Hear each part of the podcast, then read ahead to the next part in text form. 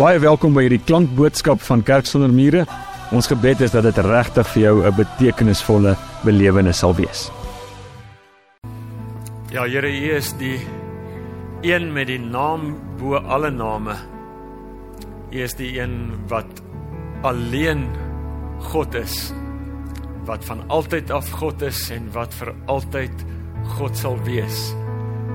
U is die een wat heers en regeer en Partykeer lyk dit nie vir ons so nie. Partykeer voel dit nie vir ons so nie. Nie in ons eie lewens nie, nie in die wêreld rondom ons nie, maar vandag wil ons ook in geloof verklaar. Ons glo en ons vertrou U is die een wat heers, want U is God vir ewig, van altyd af en vir altyd. En dankie dat U wat ewig is, dat U met ons mense hier in hierdie tydjie nou op aarde waar ons die voorreg het om mens te wees, dat jy met ons moeite doen. Dat jy met ons praat, dat jy in 'n verhouding met ons wil wees, dat jy ons wil leer en lei. Dankie vir die Bybel waaruit ons kan lees en waaruit ons kan leer wat u plan is, wat u wil is vir ons lewens. En kom doen dit asseblief ook vandag, Here.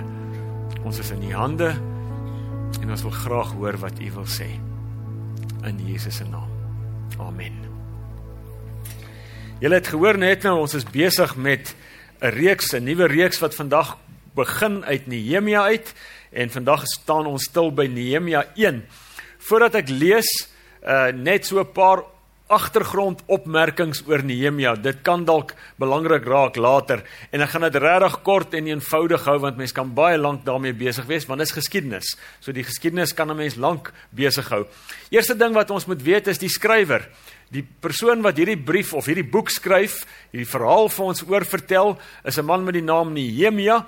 Hy was 'n Jood en hy het bevind hom wanneer ons wanneer hy hierdie boek skryf, wanneer hierdie gebeure plaasvind, bevind hy hom in ballingskap in Persië. Dis in in in spesifiek in die stad Susan, die hoofstad van Persië. Dis waar hierdie Joodse ballings ballings persoon in ballingskap exile se Engels daarvoor waar hy hom bevind. Nou die gebeurtenis of hierdie verhaal speel af sê die slimmer ouens as ek so 444 jaar voor Christus. Nou nou in hierdie tyd het Nehemia gestaan in diens van die koning van Persië. Hy was die skinker van die koning van Persië. So hy het 'n belangrike werk gehad. En die die koning se naam was koning Artasasta. Baie mooi aantreklike naam, maar dit hy was hierdie magtige heerser van Persië gewees en Nehemia het in die paleis in sy diens gestaan. So en hy en hy was die skinker wat 'n baie verantwoordelike posisie was.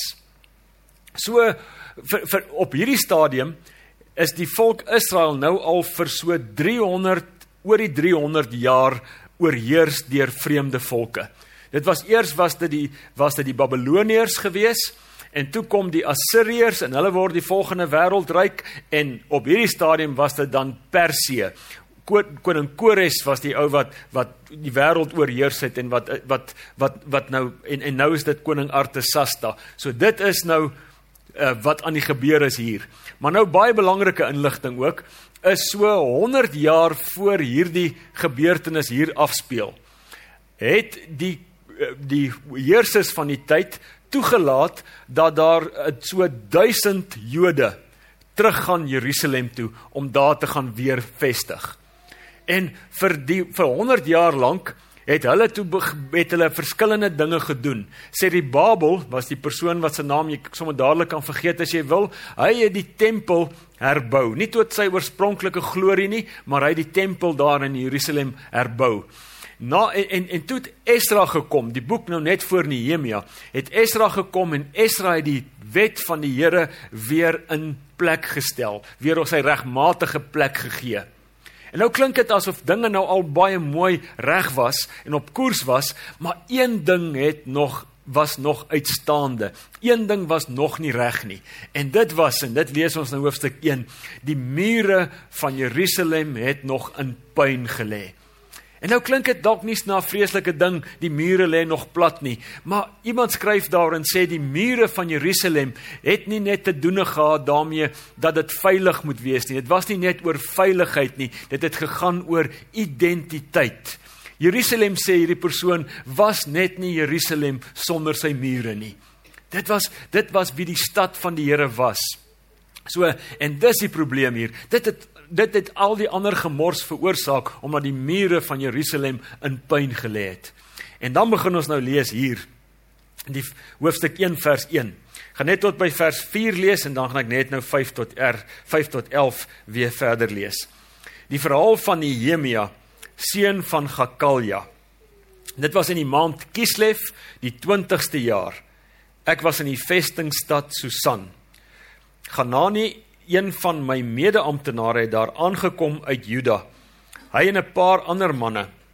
Ek het by hulle navraag gedoen oor die Judeërs wat uit ballingskap vrygelaat is en teruggegaan het en oor Jerusalem en hulle het vir my gesê die ballinge wat teruggegaan het beleef daar in die provinsie Juda die grootste elende en smaad. Die muur van Jerusalem, dis die rede vir die ellende en smaad, smaad. Die muur van Jerusalem lê om en die stadspoorte is verbrand. By die aanhoor van die woorde het ek gaan sit en gehuil en daar lank getreur. Ek het gevas en tot die God van die hemel gebid. Ons gaan nou verder net nou verder lees van vers 5 af. Nehemia kry terugvoer. Hy sit daar in die paleis en nou kom daar 'n afgevaardiging wat Juda toe gegaan het, na Jerusalem toe gegaan het, kom terug en hulle segsman is 'n man met die naam Ganani. Nou Nehemia kon op verskillende maniere hier gereageer het. Hy kon op verskillende maniere opgetree het. Die maklikste manier sou waarskynlik vir hom wees om doeteenvoudig net hulle te ignoreer te hoor wat hulle sê vinnig, kennis te neem daarvan en aan te beweeg. Want hy het eintlik geen belang by Jerusalem gehad nie. Nehemia sit 1300 km weg van Jerusalem af. Hy sit in 'n posisie waar hy regtig bevoordeel was. Hy het 'n goeie werk gehad. Hy was 'n bevoordeelde persoon in die huis van die in die paleis van die koning. Hy het geen rede gehad om enigsins verder te bekommer nie. Hy kon hom regtig distansieer van die probleme in Jerusalem. Maar dis nie wat Nehemia doen nie. In hierdie gedeelte, hoofstuk 1 sien ons dat Nehemia 4 dinge doen. En as as ek as ek die 4 dinge vir jou gesê het, moet jy asseblief nie huis toe gaan nie want ek gaan ietsie sê oor elkeen van die 4 dinge, maar dis al amper genoeg as jy net die 4 dinge gehoor het. Wat Nehemia doen, is die eerste ding wat hy doen is hy vra uit. Hy vra vra. Die tweede ding wat hy wat hy doen is hy hy uh hy hoor wat hulle sê. Die derde ding is hy huil. En die vierde ding wat hy doen is hy bid. So daar's hy, daar's die preek. Dis uh, vra. Die tweede een is hoor. Derde een is huil en die vierde een is bid. So jy, ek gaan nou geleentheid gee vir die wat wil gaan om te gaan. Nee, ek gaan tog oor elkeen net so ietsie sê vinnig. Die eerste ene Nehemia vra vra. Nou, uh, kom ek verduidelik dit met 'n baie stupid voorbeeld wat ek met hierdie punt wil maak. En dit is baie van nee, meeste van ons wat hier is, het beddens. En langs die bed is daar 'n kassie gewoonlik. Van julle wat dit bekend voorklink, En in die en baie van hierdie kassies het 'n laaitjie. En in daai laaitjie langs jou bed is daar baie goeders in. Vreemde goed, né? Nee. Uh as ek sien julle weet waarvan ek praat. Weet jy hoekom het ek nog nooit vir jou gevra wat is in jou bedkassie se laaitjie nie? En ek sê van plan om dit ooit te doen nie. Ek vra nie want ek gee nie om nie. Ek gee regtig nie om wat is in jou bedkassie se laaitjie nie. En dis die verskil van Nehemia hier in hierdie situasie. Skus, dis 'n baie stupid beeld, maar dis die verskil hier. Nehemia vra, vra want hy gee om. Nehemia het geweet, daai daai Jerusalem is ver, 1300 km ver van my af. Ek was in my hele lewe nog nooit daar gewees nie. En maar hy hy Nehemia het geweet hy's deel van iets groter. Hy's deel van iets groter as homself. Hy's deel van iets groter as die koning se paleis. Hy is een van God se mense. Hy is deel van die volk van die Here. Skom my net 'n oomblik.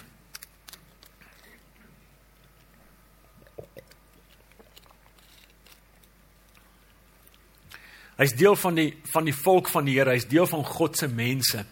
En Nehemia het verstaan dat God en hy het geglo dat God 'n plan het met sy mense. En hy het geweet God is die een wat betroubaar is, die een wat sy beloftes hou en wat wonderlike beloftes het. Onder andere ook spesifiek oor die stad Jerusalem.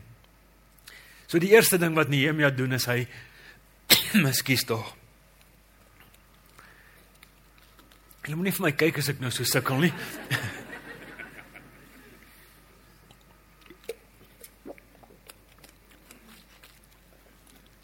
en jy kon maar die mikrofoon bietjie gemute toe ek gesluk het.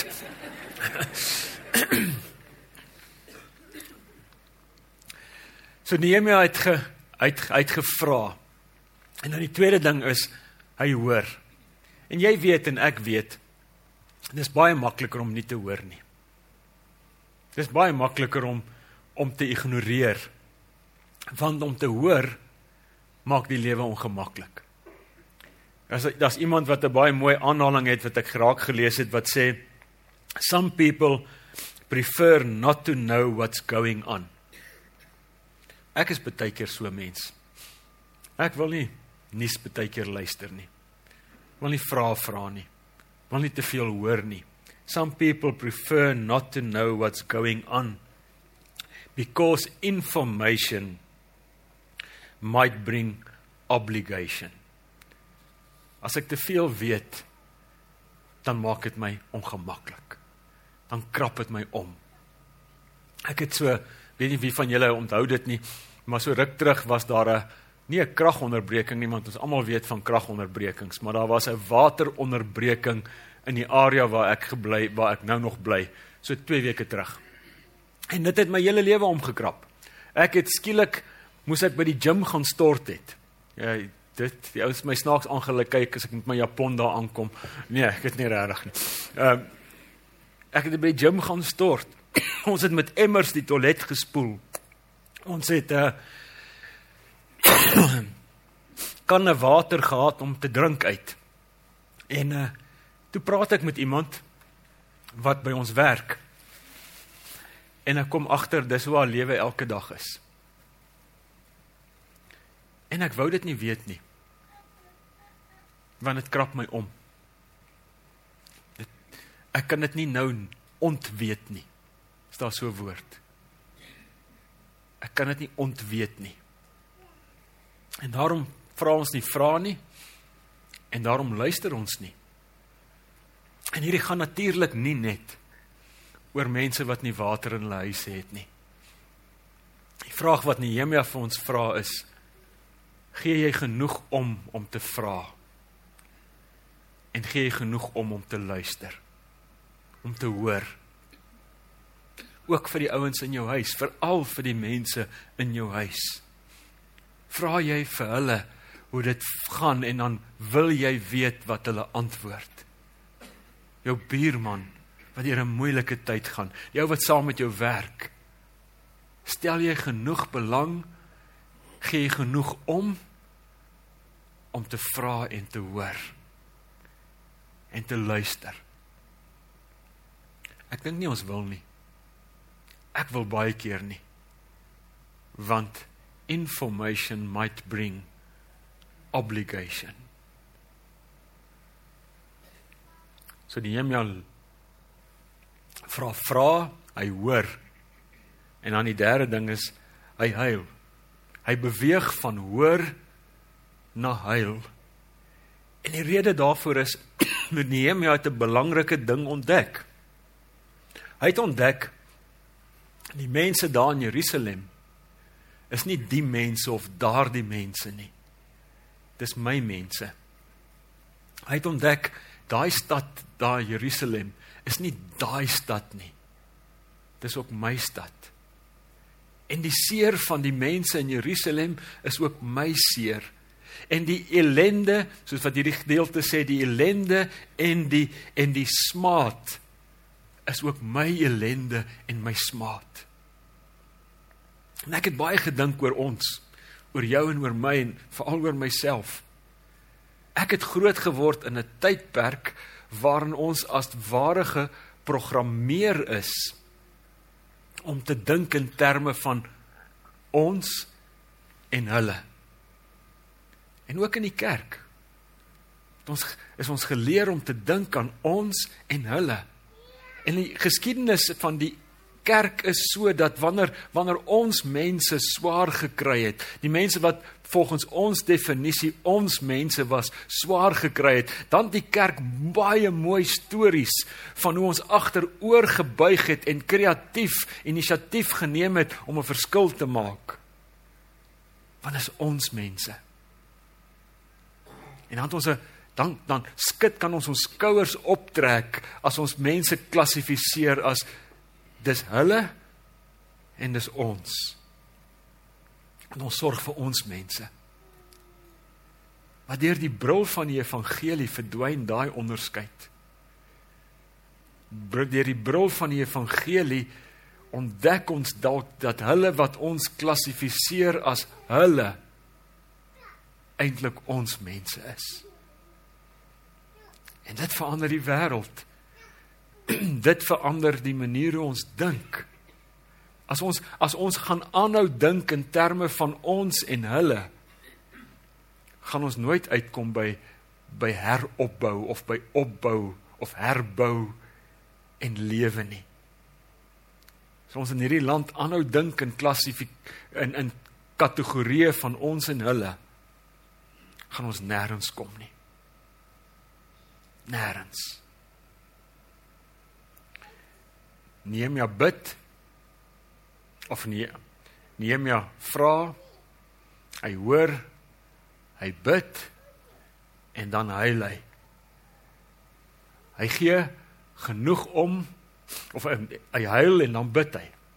Hy gee genoeg om om te vra gee genoeg om om te huil te hoor te huil en daarom gee hy ook genoeg om om te bid Maar let tog asseblief daarop, as Nehemia bid hier, dan doen hy dit nie as 'n laaste uitweg nie.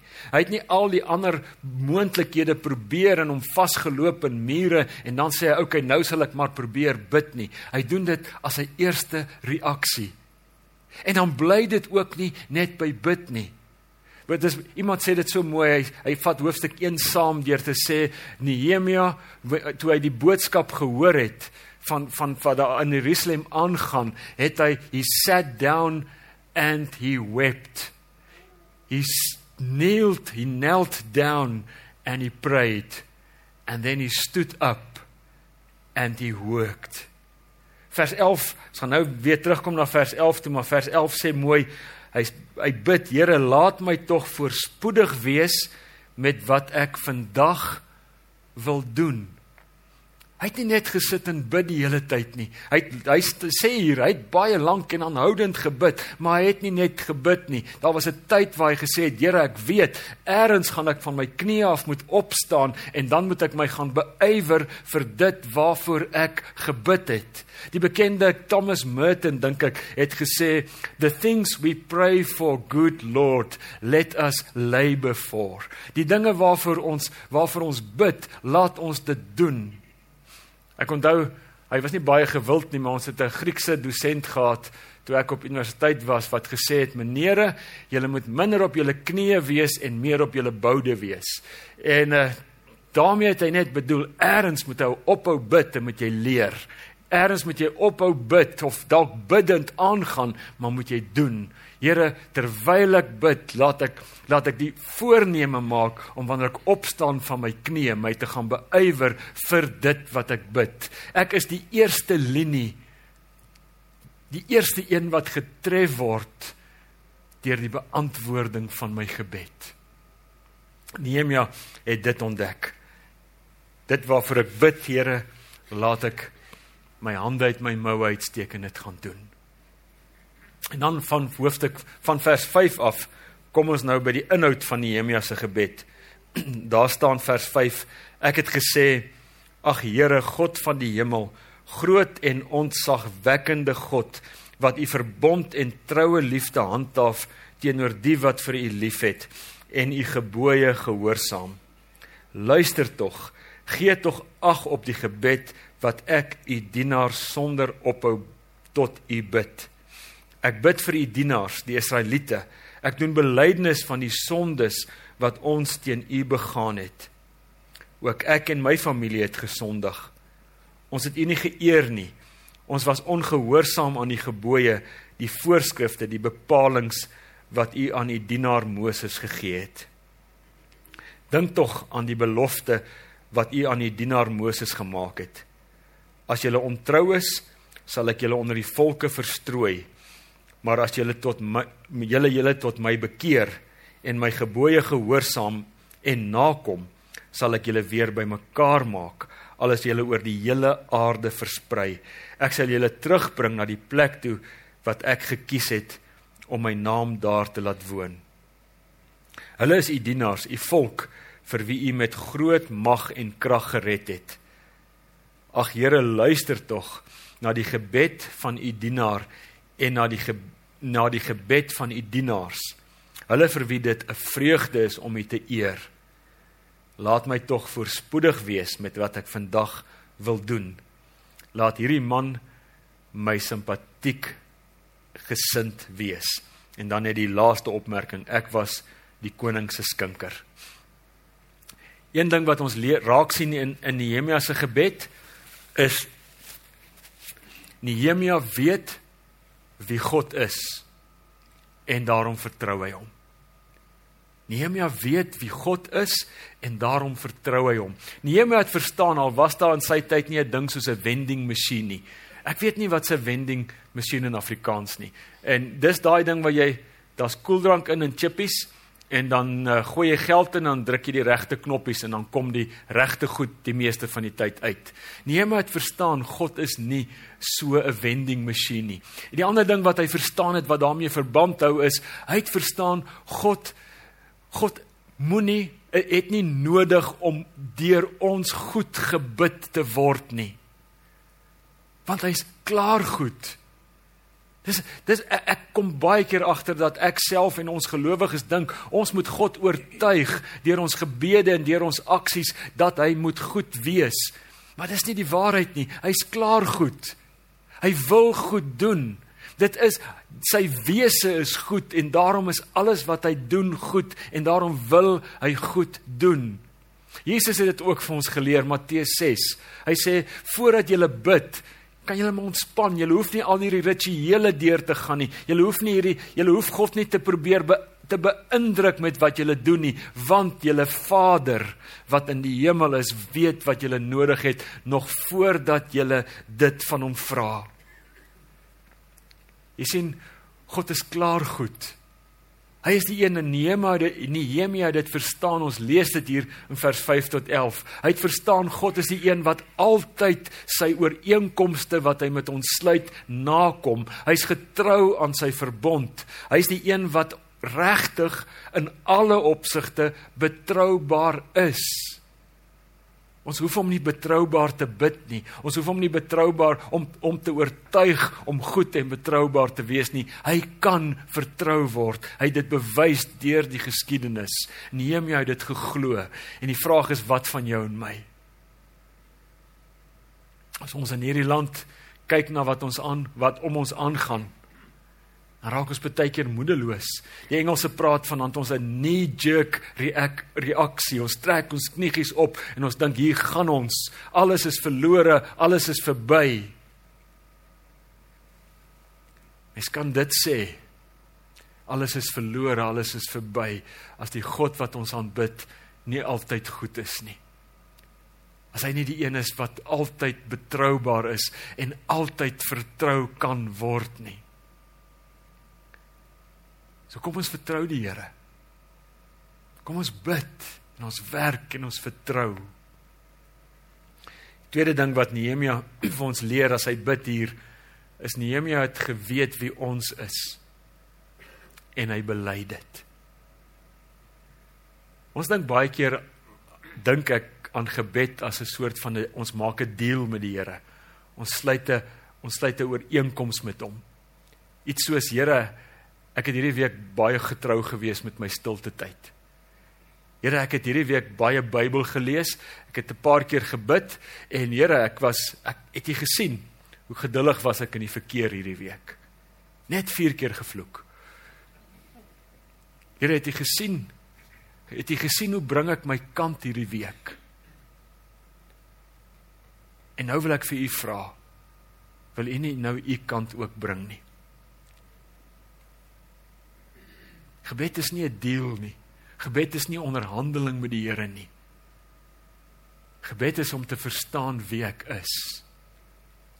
Iemand sê dit so eintlik nie is amper nie is mooi. Hy sê dit mooi. Hy sê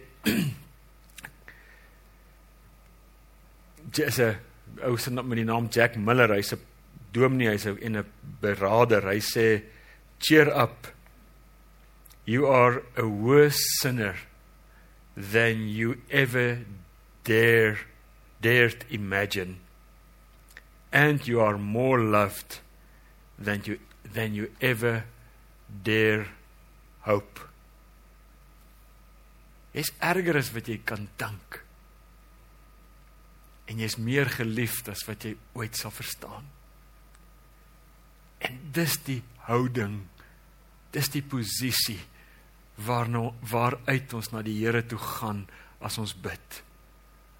Ons gaan nie met ons prestasies nie, ons gaan nie met ons met met wie ons is nie. Ons verstaan wie ons is.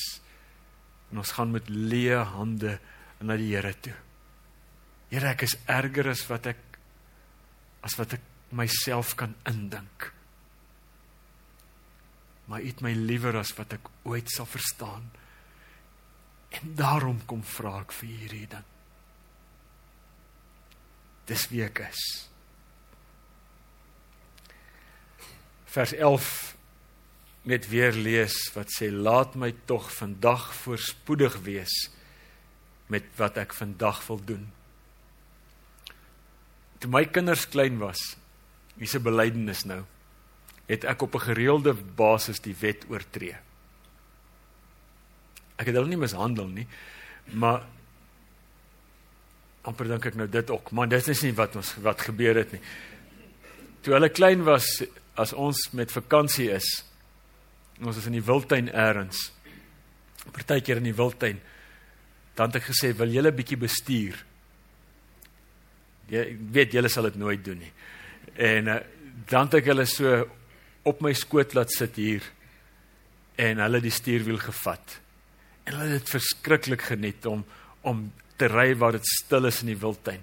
Maar wat hulle nie gesien het nie is dat hier onder het ek nog steeds die stuurwiel vasgehou. Net vir ingeval. En met julle my kinders weet ken sê julle weet daar was baie ingevalle. Maar maar net vir ingeval het ek die stuurwiel vasgehou. Maar weet jy wat het gebeur? As ek en die kinders gaan ry het En ons kom terug by die kamp waar Lin, sy het nie altyd lus gewees om saam te ry nie. Ons kom terug daar, dan hardloop hulle na haar toe en hulle sê vir mamma, ons het die bakkie bestuur. En dan sê ek ja, let. Hoekom vertel ek dit? Die taak wat ek en jy het is groter as ons dalk om saam met Jesus te bou, saam met Jesus mooi te maak, reg te maak, anders te maak in hierdie wêreld is groter as wat ek en jy kan. Maar ons moet asseblief nie dink dat ons nie 'n rol het om te speel nie. Ons het 'n rol te speel. God het ons nie nodig nie. Hy ek dink hy kan regkom sonder ons my kies om vir ons 'n kans te gee om ons hande op die stuurwiel te sit. Hy kies om vir ons geleentheid te gee om saam met hom te bou, om saam met hom te werk, om saam met hom mooi en heel en reg te maak, gesond te maak, om lewe te bring waar daar dood is, om hoop te bring waar daar hopeloosheid is. Hy gee vir ons geleentheid. En weet jy as ons as ons verstaan wie ons is en as ons verstaan wie hy is en ons begin om ons rol te speel, ons klein rolletjie te speel, dan kan ons die spasie dophou. Want dan kom daar 'n ding. Ek is oortuig hierdie land moet beter lyk. As Jesus se volgelinge waarvan ons baie het in ons omgewing saam met hom verantwoordelikheid aanvaar dan moet dinge beter lyk. Amen. As geleentheid vir jou vir stil gebed. Here Jesus, dankie dat ons u medewerkers kan wees. Dat u ons gestuur het soos die Vader u gestuur het om in hierdie plek waar ons is die koninkryk te laat kom. Iets van God se nuwe wêreld sigbaar te maak hier en nou. Ons is beskikbaar, Here. Gebruik ons en gebruik ons. In Jesus se naam. Amen. Indien hierdie boodskap vir jou iets beteken het, dan wil ek vir jou vra, deel dit asseblief met iemand wat jy ken. En moet asseblief nie vergeet nie, ons sal jou bitter graag wil verwelkom by ons in-persoon eredienste op Sondag. Vir meer inligting oor Kerk sonder mure, is jy baie welkom om ons webtuiste te gaan besoek of ons op sosiale media te volg.